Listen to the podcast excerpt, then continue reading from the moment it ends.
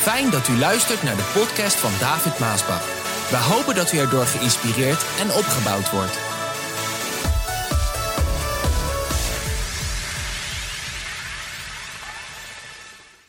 De handelingen van de apostelen. En vandaag gaat het over de eerste echte vervolging die de kerk meemaakte. Bij het ontstaan van de kerk. Eh, die de christenen meemaakten. En we lezen in Handelingen 5, vers 17. De hoge priester en de Sadduceeën werden jaloers en lieten de apostelen oppakken en in de gevangenis gooien. En ze moesten hem gelijk geven. Na de apostelen te hebben binnengeroepen, lieten ze hun zweepslagen geven. Daar kwam de eerste echte vervolging van de christenen, van de kerk. Ze kregen zweepslagen en ze verboden hen streng ooit nog in het openbaar over Jezus te spreken en lieten hen daarna gaan. Nou, het was dus voor het eerst dat degenen die in Jezus geloofden en over Jezus spraken, dat zij gevangen werden genomen en zweepslagen kregen. Dat was die zweepslagen, dat, waren niet, dat was niet een klein zweepje hoor, waar, waar je een tikje voelde. Als je zweepslagen kreeg, kreeg, en trouwens vandaag zijn er landen die nog steeds zweepslagen geven. En ik zal u vertellen, als je ziet hoe dat er aan toe gaat, dan schrik je een ongeluk. Dat doet heel, heel, heel erg pijn. Het zijn behoorlijke latten die zwiepen en dan krijg je een keiharde en niet één, maar meerdere. En die streamen, die laten littekens achter op je rug of waar je die zweepslag ook krijgt. Ik bedoel, als je een zweep, als je hebt gehad, vergeet je je leven nooit meer. En dat is wat er gebeurde met die eerste christenen. Waarom? Gewoon omdat ze christenen waren. Hallo. Dat was de eerste kerk. Zo is de kerk begonnen. Zij kregen voor het eerst te maken met tegenstand en vervolging. Ik vraag mij af vandaag in de kerk van Jezus Christus van vandaag. Ja, er zijn al vele christenen die met een klein zuchtje wind al tegenstand voelen en denken: ik kom niet meer, want dit is voor mij te veel. De velen zijn niks meer gewend in het Westen. Waarom? Omdat het eigenlijk al, allemaal zo makkelijk is gegaan. Maar ik zal u vertellen, er komt weer een tijd als in de tijd van de eerste kerk en je voelt het al. En daar kom ik straks nog op terug. Hoe stond die kerk er dan voor? Die eerste kerk met al die toestanden en die tegenstand waar zij mee te maken krijgt. Nou weet u wat ik zo leuk vind? Dat niet Petrus vertelt eigenlijk hoe de kerk ervoor stond. Het komt uit de mond van de vijanden van Christus. Want we lezen in Handelingen 5 vers 28 dat die hoge priester, die ondervroeg hun, en dan zegt hij, wij hebben u streng verboden over die Jezus te spreken. En kijk nu wat u hebt gedaan. Heel Jeruzalem weet inmiddels van hem. U wilt zeker de schuld van zijn bloed over ons brengen. Heel Jeruzalem wist van Jezus Christus. Kijk wat je hebt gedaan. Dat is hoe zij ervoor stonden. Dit vind ik een geweldig nieuws. Hoe zou het zijn als men, als stel je voor, hè, met alles wat we hebben meegemaakt en, wat men over Maasbach heeft geschreven en gezegd. En dat er vandaag word ik op het matje geroepen en dat men dan, neem even de regering, wordt op het matje geroepen en dat ze dan zeggen: Wat heb je gedaan, David Maasbach? Heel Den Haag weet over Jezus. Heel Nederland weet over Jezus. Nou, dan heb je toch iets goeds gedaan. Zo stond de kerk ervoor. Het christendom, wat dus ontstaan was, waar we mee begonnen zijn in het begin van het boek van Handelingen. En door die genezing en de doop met de Heilige Geest, die tongen van vuur, het geluid uit de hemel, we hebben het allemaal gehoord. En, uh, en, en de prediking van Petrus en de bekering. Het christendom, dat werd een hele beweging. Het werd een beweging. Als men dus uitgaat op de straten en met de folders en met de dansen en noem maar op. En mensen komen tot de Heer en beginnen daarover te praten, dan wordt het een beweging. Daarom moeten we erover praten. Het werd een beweging dat zelfs die hoge priester en de raad, dat hij zei, wat heb je gedaan man? Heel Jeruzalem weet inmiddels wie Jezus is. Nou, dat was een doorn natuurlijk in hun ogen. Ze werden dus in de gevangenis gegooid. Ik vraag me af hoeveel christenen vandaag bereid zijn om voor de naam van Jezus in de gevangenis gegooid te worden.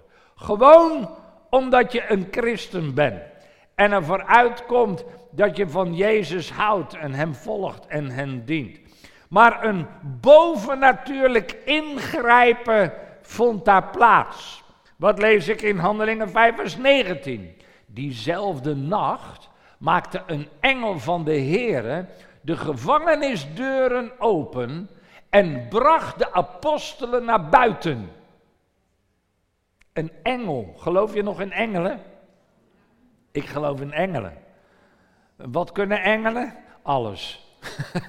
Gevangenisdeuren die openden zij. Met sleutels? Ik weet het niet hoe die engelen dat deden, maar die deuren gingen openen. En die christenen die gevangen werden genomen, die eerste christenen, die liepen zo uit de gevangenis. En de engel zei: Ga naar de tempel.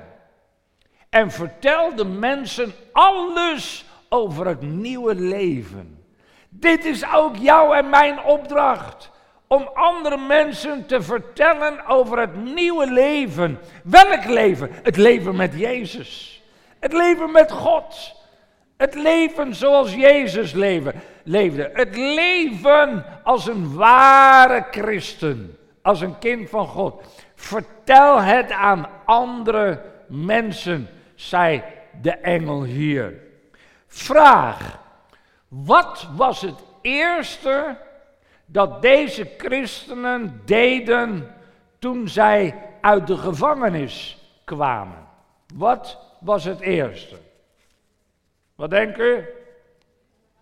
Nou, het antwoord staat in Handelingen, vers 21. Zij deden wat hun gezegd was. Door wie? Door die engel.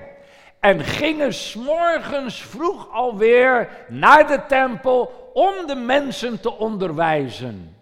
Dus ze, ze, ze spraken over Jezus.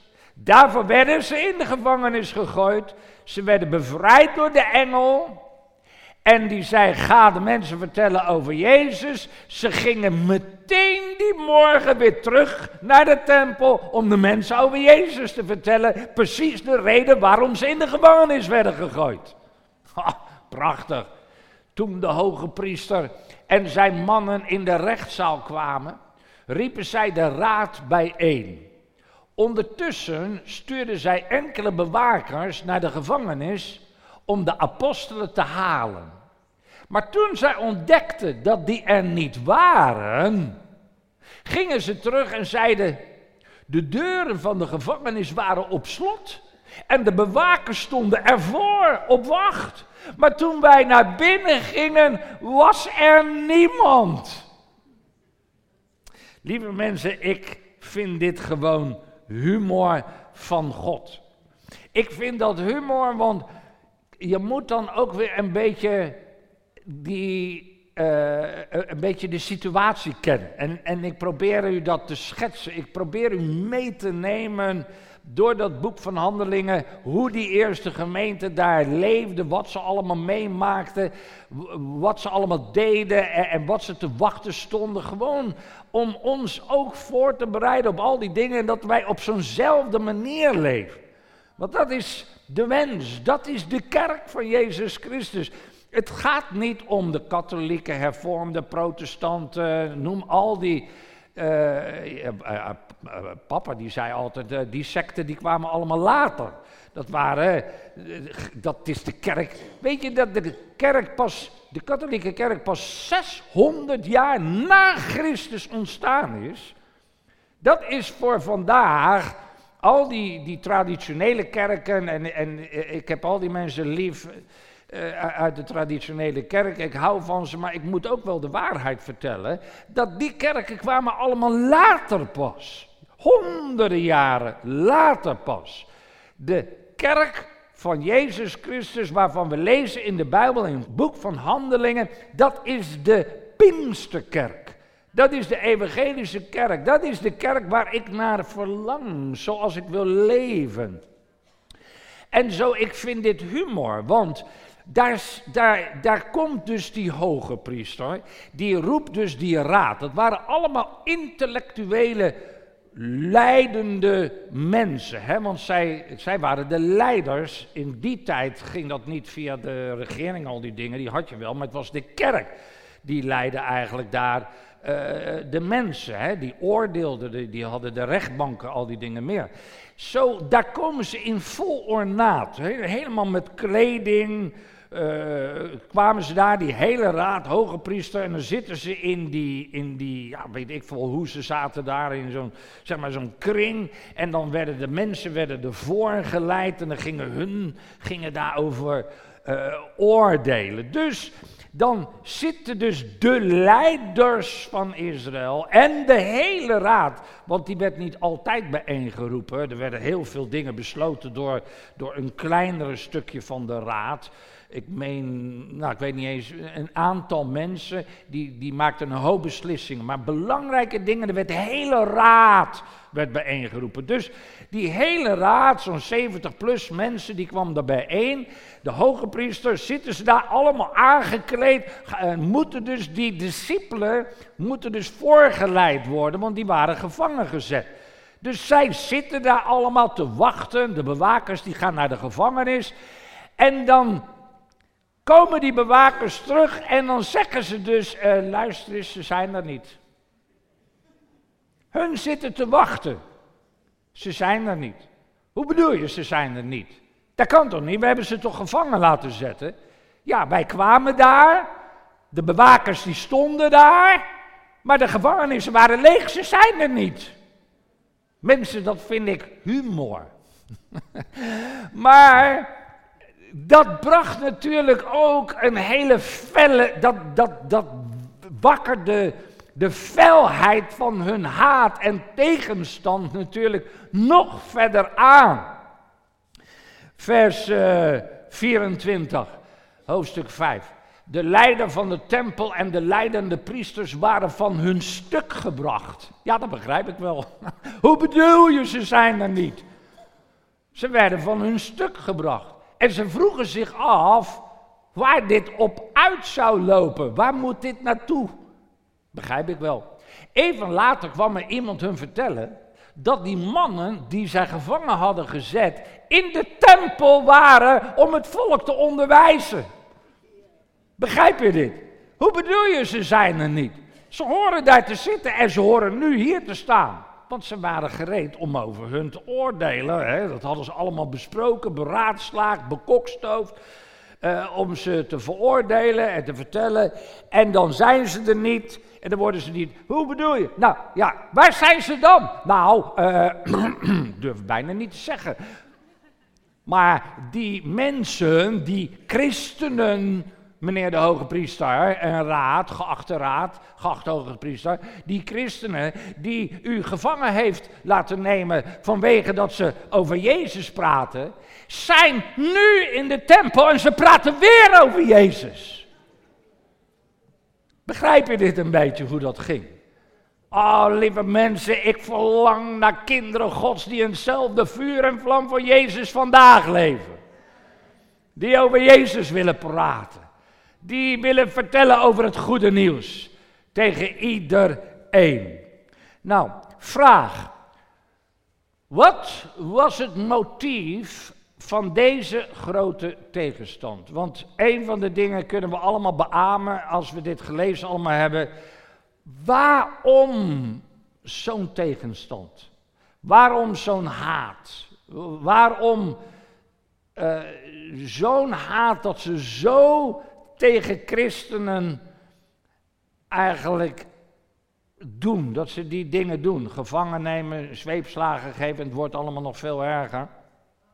Waarom? Nou, het antwoord is simpel en staat in Handelingen 5 vers 17. De hoge priester en de Sadduceeën werden jaloers. Dat is wat er staat. Ze werden jaloers en lieten de apostelen oppakken en in de gevangenis gooien. Ze werden jaloers. En quote, jaloezie is een zeer lelijke en slechte karaktereigenschap. Hoor je dat? Jaloezie is een zeer lelijke en slechte karaktereigenschap.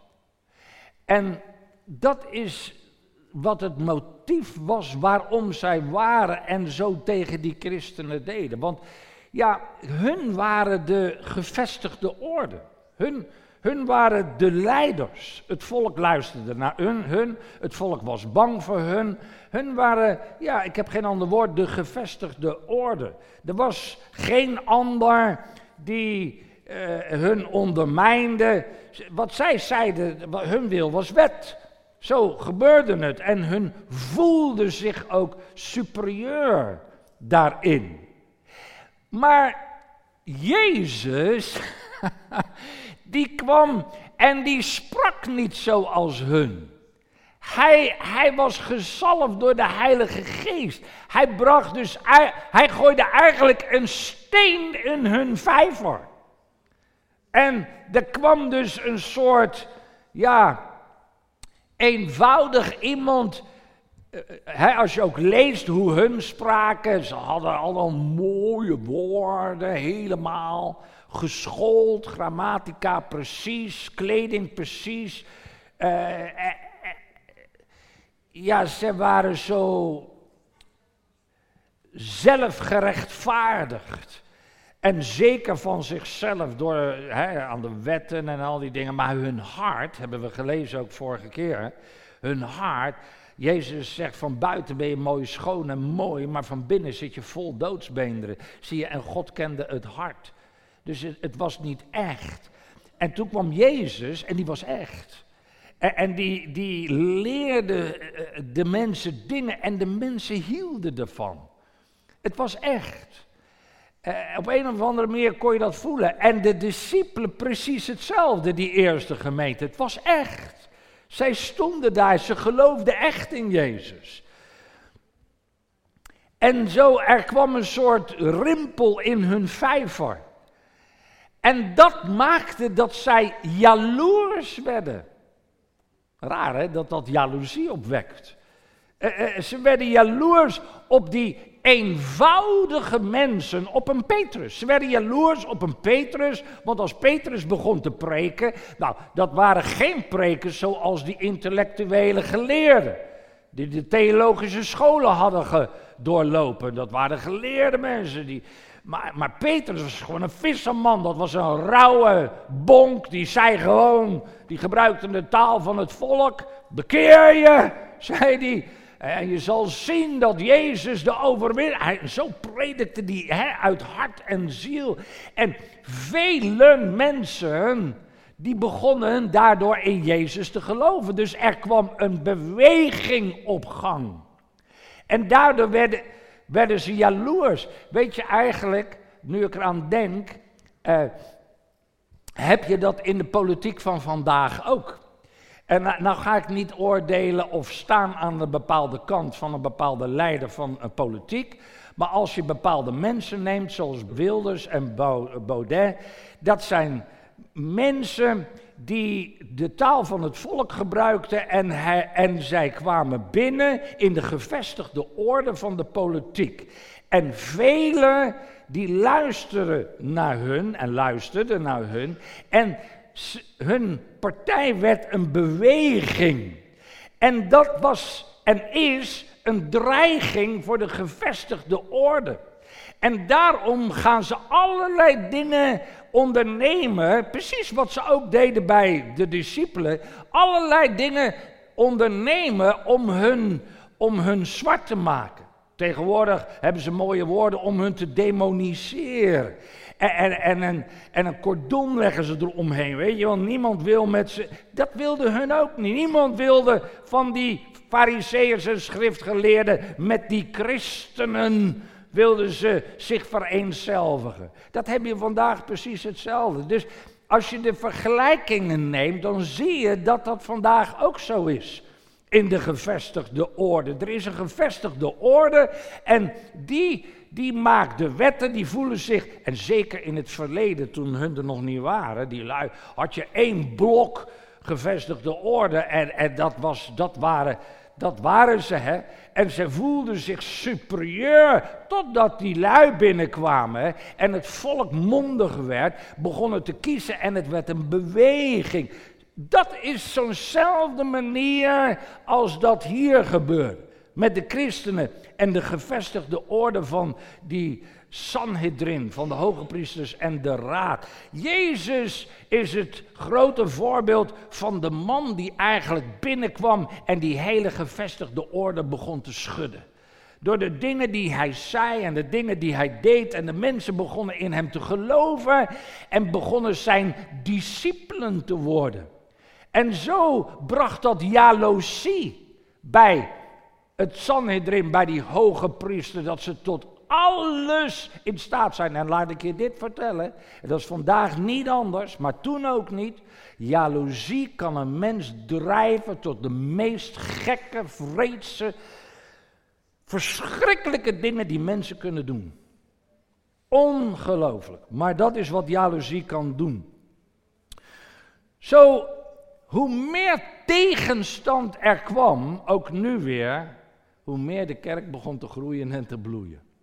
En dat is aan de andere kant ook niet verkeerd, tegenstand, want de kerk ook vandaag groeit en bloeit. En dan heb ik het eigenlijk over de Pinksterkerk, want dat is toch wel heel prachtig om vandaag te zien.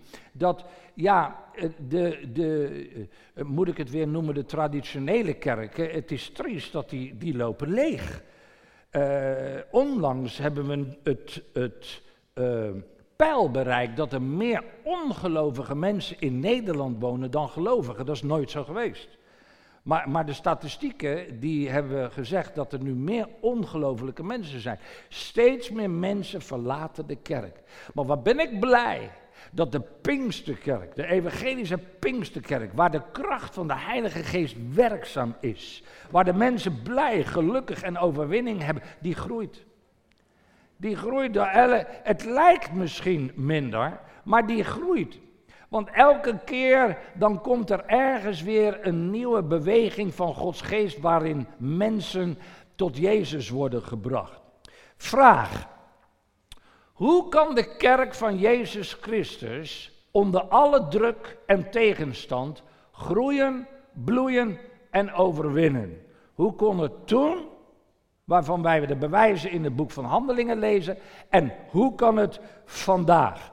Nou, het antwoord lezen we in Handelingen 5, vers 29. Petrus en de andere apostelen antwoorden: Men moet God meer gehoorzamen dan de mensen.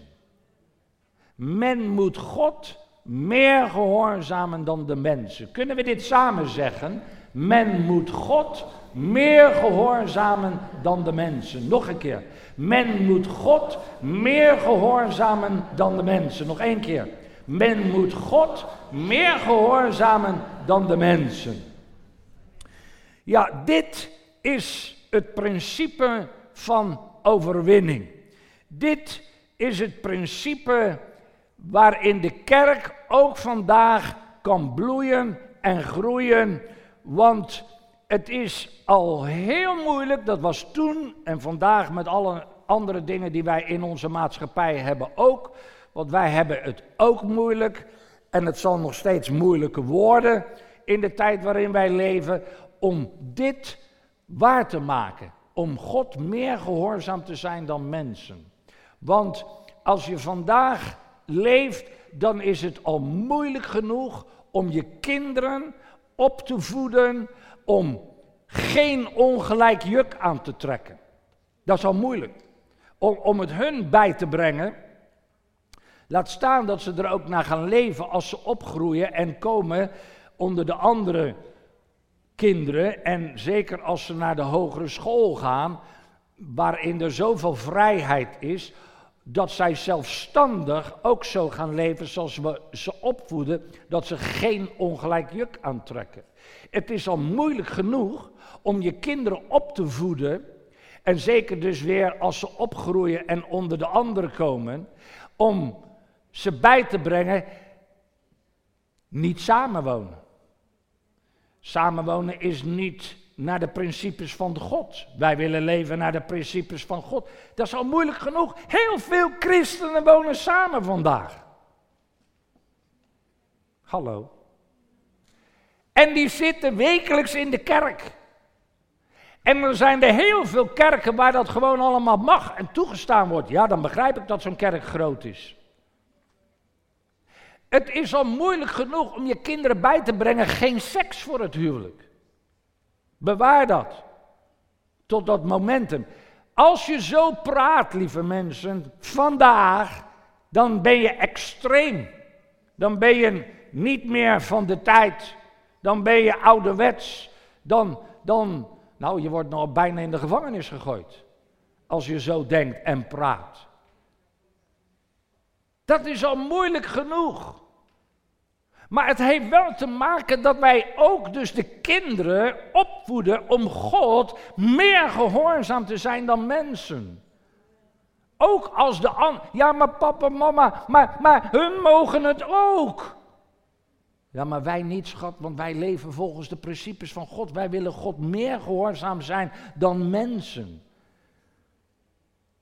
En, een heleboel dingen, neem de tegen, tegennatuurlijke seks vandaag om hun te vertellen dat dat niet juist is en normaal is, is al moeilijk genoeg.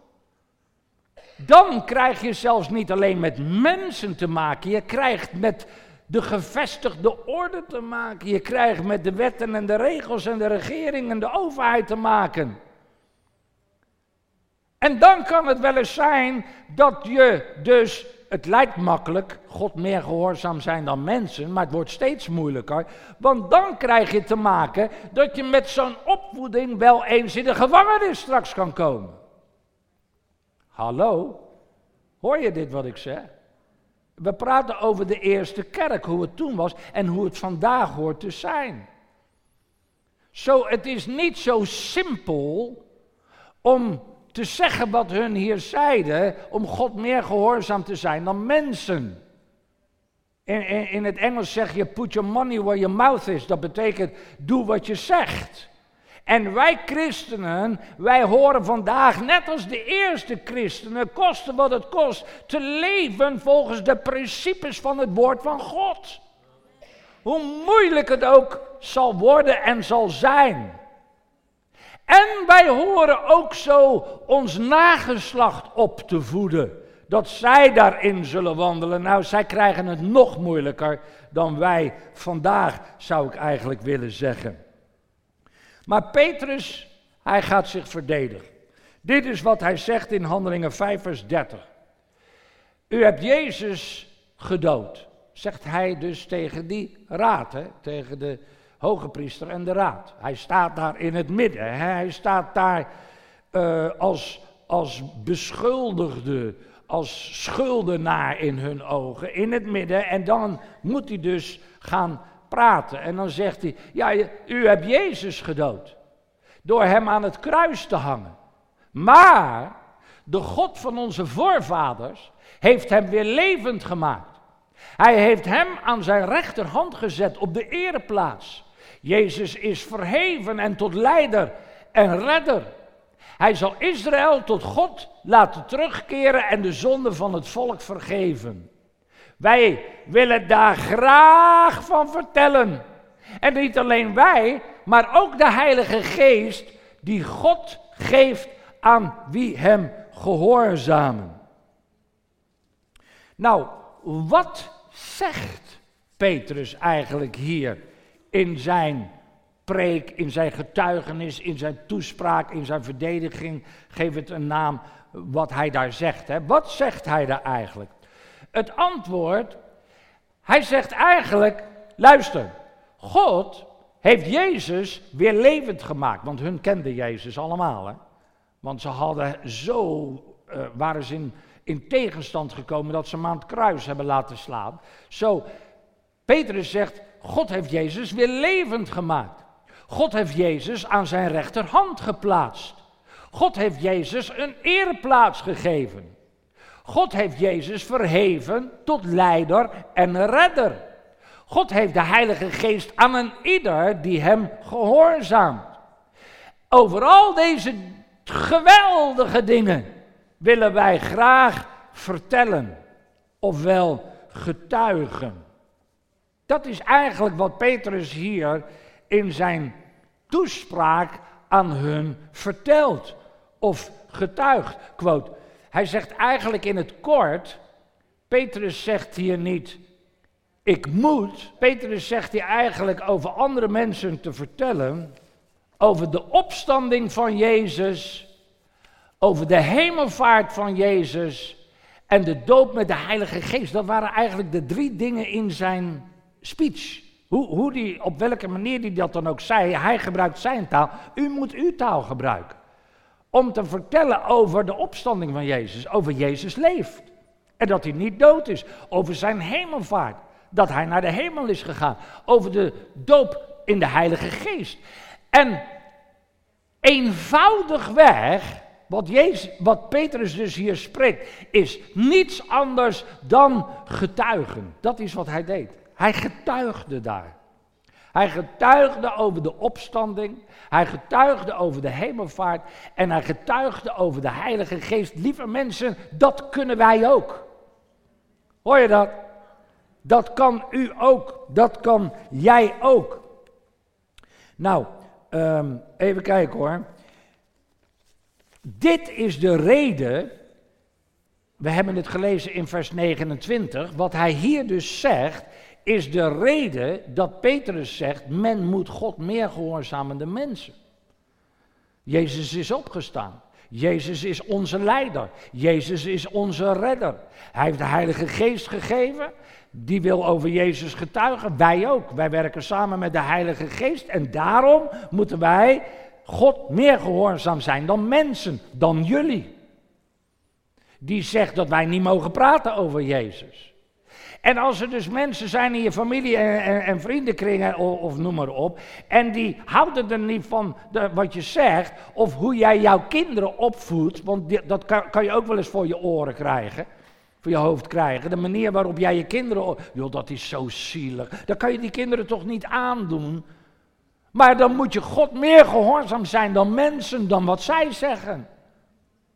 Kan ik een amen horen als u het met me eens bent, of ben je het niet met me eens? Betekent dat je beaamt, dat je zegt, ja, zo wil ik ook leven.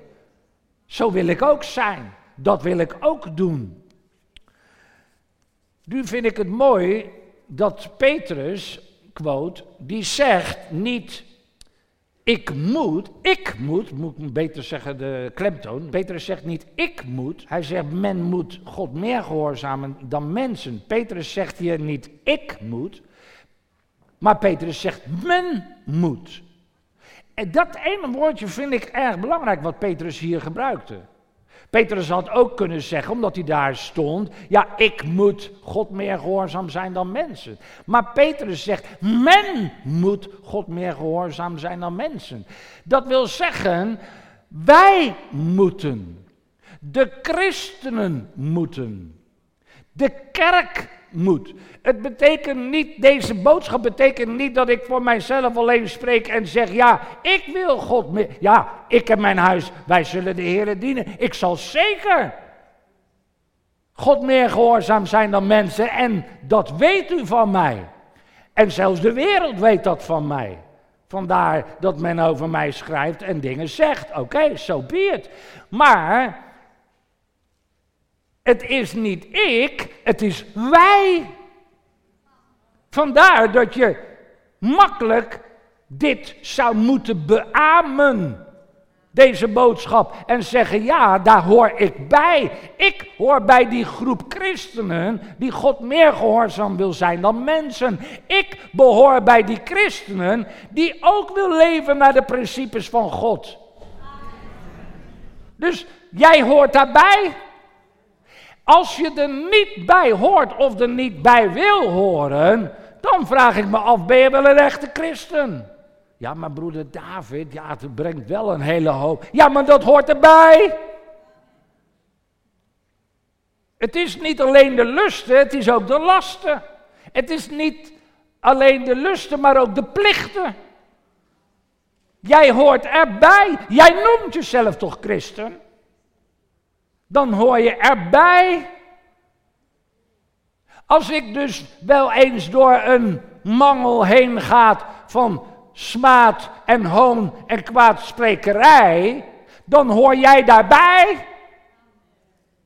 Net als bij Petrus, die hoorde bij Jezus. En nou kreeg hij het op zijn brood. Maar hij liep niet weg, hij ging staan. Nee, ik hoorde bij. Terwijl hij een paar dagen eerder dat nooit gedaan zou hebben. Ik ken die man niet, ik hoor niet bij hem. Maar nu stond hij vervuld met de Heilige Geest, stond hij daarbij. Dat is waarom je ook vervuld moet zijn van de Heilige Geest. Je hoort erbij. En je hoort er niet alleen bij wanneer wij hier samen zijn en alles is heerlijk en God doet wonderen en tekenen en de wijn die vloeit heerlijk. Je hoort er ook bij als er tegenstand is. Als er smaad is. Als er hoon is. Dan ga je er ook bij staan. Dan zeg je, ik hoor daarbij. Ik hoor bij die groep christenen die wil leven naar de wil van God. Dat is je stand innemen als een nieuw Jenner voor Jezus Christus. Je staat in vuur en vlam voor Jezus hier, maar ook buiten. Als er tegenstand is. En het mooie vind ik hiervan, dat, kijk, wat Petrus eigenlijk hier doet, is ook heel, ik wou zeggen slim, maar ik wou zeggen, beter is wijs. Wat Petrus hier doet, door te zeggen tegen de raad, men moet Christus, men moet God meer gehoorzaam zijn dan Jezus. Dat betekent dat hij de raad, de hele raad, niet alleen opzet tegen hem, maar dat de hele raad in oppositie van de hele kerk komt. Begrijp je wat ik hier zeg? Want zij waren natuurlijk in oppositie tegen Petrus, want dat was de leider. Want hij, hij, was het gezicht in die tijd. Hij was de leider. Hij was degene die, die daar ging staan en, en de leiding nam om te spreken. Die anderen stonden erbij, maar hij was de leider. En dan, kijk, het is één ding als ik zeg tegen de raad: ik moet God meer gehoorzaam zijn dan mensen. Het spijt me, u doet maar met me wat u wil, maar ik, ik kan niet anders, ik moet God meer gehoorzaam zijn. Dat is één ding. Het wordt anders als ik tegen de raad zeg, luister raad, kan er niks aan doen. Maar wij, ik trek u dan erin. Wij, het spijt me wat u denkt, maar wij, ik, wij, wij kerk van Jezus, wij volgelingen van Jezus, wij discipelen van Jezus, wij moeten God meer gehoorzaam zijn dan jullie. Spijt mij. Begrijp je dit? Want zo bracht hij het hele Sanhedrin in oppositie, niet alleen tegen hem, maar tegen alle christenen, tegen de hele kerk. En zo hoort het vandaag ook te zijn. Ik hoor niet alleen te staan. Goed, ik sta alleen als er niemand bij me staat. Maar ik denk niet dat dat zo is. Ik geloof dat wij allemaal God meer gehoorzaam moeten zijn dan mensen. Dat we allemaal de kinderen daarin ook zo moeten opvoeden. En als er tegenstand komt, dan is dat niet alleen tegen mij, maar is ook tegen jou. Dat is tegen de hele kerk. Nou, kijk nog even naar de methode. We hebben het gelezen die de eerste christenen gebruikten in vers 32. Handeling 5 vers 32. Wij willen daar graag van vertellen. En niet alleen wij, maar ook de Heilige Geest, die God geeft aan wie Hem gehoorzamen. Wij willen graag over al deze geweldige dingen vertellen, maar ook de Heilige Geest die in ons is. Die wil samen met ons vertellen over Jezus. Dat is wat de Heilige Geest ook graag wil. Getuigen, dus als hij zegt, uh, wij willen over al deze dingen getuigen. Dat is ook mooi, even tot besluit, zo wat ik, wat ik nog wil zeggen. Getuigen betekent niet altijd dat je praat. Sommige mensen hebben het idee dat met getuigen, dat je altijd moet preken. Dat je altijd moet praten, dat je altijd moet vertellen. Maar getuigen kan soms ook gewoon met je mond dicht. Getuigen kan op allerlei manieren in je doen en in je laten. Het kan door kleding. Ik heb het nu niet aan. Maar wij hebben New Gen en ik loop graag met New Gen kleding. We hebben allerlei soorten van quotes daarbij, want New Gen staat voor iets. Dat betekent dat je bij Jozua en Caleb hoort. Dat betekent dat je een christen bent. Als je New Gen draagt, dan betekent dat dat je God meer gehoorzaam wil zijn dan mensen. Want het opent iets waardoor je met mensen in contact kan komen. Dus het kan met kleding. Sommige mensen hebben hele uh, directe getuigenissen. Hè? Jezus leeft op hun pet bijvoorbeeld. Of uh, als ze lief heeft God de wereld gehad. Dat soort teksten kunnen ook. Dus dat doe je niet eens je mond van open. Je, je loopt gewoon rond. Luister, de wereld doet dat ook. Die sportmensen die lopen ook met allerlei dingen rond. Waarom? Om anderen over het, dat merk te vertellen. Wij hebben ook een merk. Het beste merk ter wereld. Jezus Christus. Ja, dus je kan getuigen gewoon met kleding. Je kan getuigen door dans. Dat is ook wat Solid doet op de straten. Afgelopen donderdag nog. En dan dansen ze. En een manier waardoor ze tussendoor getuigenissen geven. Maar hun dans brengt mensen al tot staande. Waardoor anderen met die mensen kunnen praten. Dus door dans kan je ook een getuigen zijn van Jezus. Door zang. Je kan op de hoeken van de straten of in de stad. Het koor heeft ook gezongen buiten op, zeker met kerst. Met kerst stond het zangkoor de Blessing Choir stond buiten en zong kerstliederen. In die tussentijd deelden mensen foldertjes en traktaatjes uit. Zo, je kan buiten gaan staan, je kan buiten staan met een gitaar en een bordje of een dingetje. Dus door zang en door muziek, traktaatjes. Je, je hoeft niks te zeggen, maar je kan een traktaatje geven aan iemand. En we hebben een heleboel traktaatjes.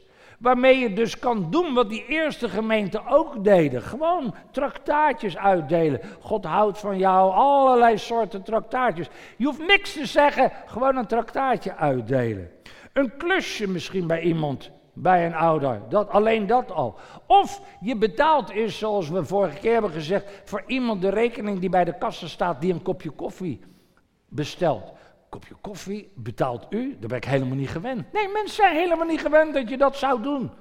Wie doet dat vandaag? Nou, New Jenners doen het. En die geven een kaartje erbij. We love you. Hartelijk welkom in de Blessingkerk. Op zondagmorgen. Het is een manier van getuigen. Uh, kinderen sminken. Gewoon de kinderen die, die hè, als we open lucht zijn, dan sminken we de kinderen. Gaat het om die smink? Nee, het gaat om de dingen daaromheen. Dat de mensen Jezus in ons zullen gaan herkennen. Met sminken daar, ja met sminken. Want ze krijgen ook gewoon een kaartje mee. Welkom in de Blessingkerk, God loves you. Gewoon met sminken. Uh, ballonnen opblazen. We hebben een broeder, die heet broeder Ron. Die kan met die lange ballonnen allerlei dingen in elkaar zetten. Je moet het maar kunnen. Nou, hij heeft het geleerd ik zou zeggen, als je het leuk vindt, leer het ook. En je hebt zo mensen staande en terwijl je de ballonnen in elkaar zet, dan vertel je hun over het nieuwe leven met Jezus. En als je dat niet kan, dan geef je ze een kaartje, dan zeg je niks. Allemaal manieren. De Bresband. De Bresband loopt te trommelen door de stad heen, keihard. Iedereen kijkt, het valt ontzettend op. Nou, en dan ben je een getuige van Jezus. Wat is dat Bresband? Nou, kijk ook maar aan de achterkant. En welkom in de Blessingkerk. Lieve mensen, zo groeit de gemeente. Zo groeide de eerste kerk. Zo zal de kerk vandaag ook groeien. Als wij een getuige zullen zijn van Jezus Christus. En dan wil ik ook nog zeggen, littekenen. Littekenen.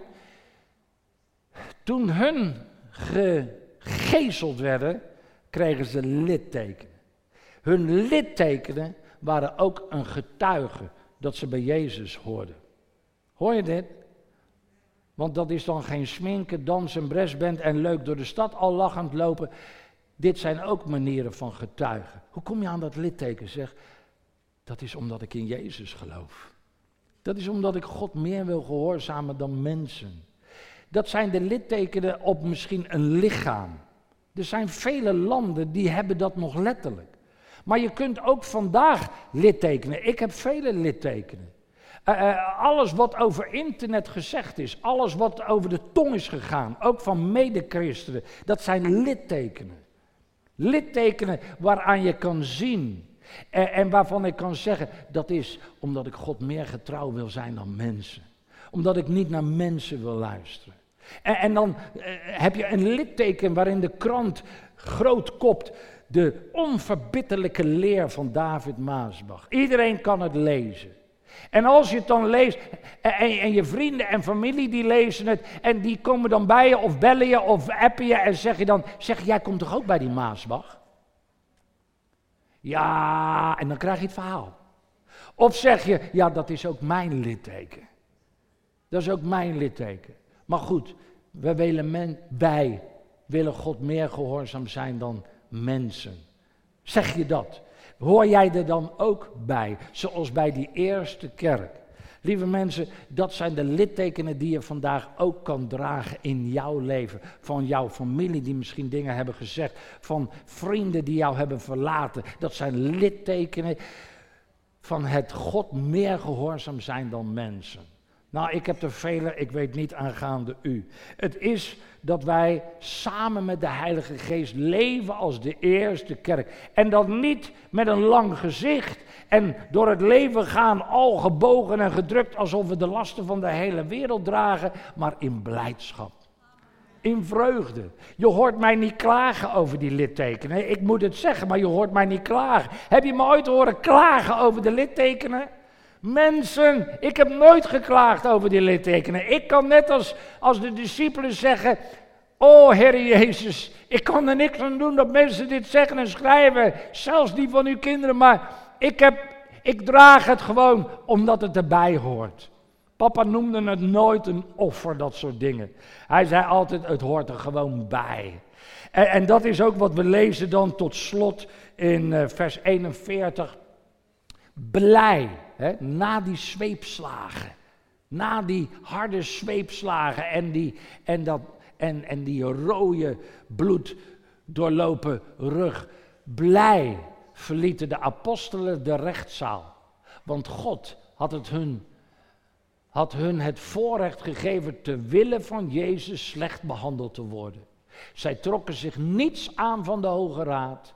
En bleven gewoon over Jezus spreken in de tempel en bij de mensen thuis. En elke dag vertelden zij dat Jezus de Christus is. Ze trokken er niks van aan. En dit is ook zoals wij vandaag moeten leven.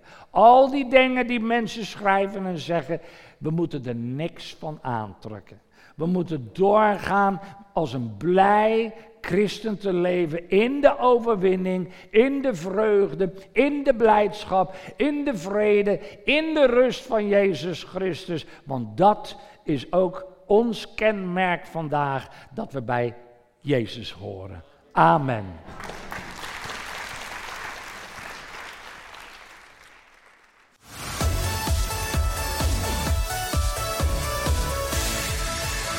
Bedankt voor het luisteren naar deze podcast. Wilt u meer preken beluisteren? Ga dan naar message.maasbachradio.com. Bezoek ook eens onze website www.maasbach.nl.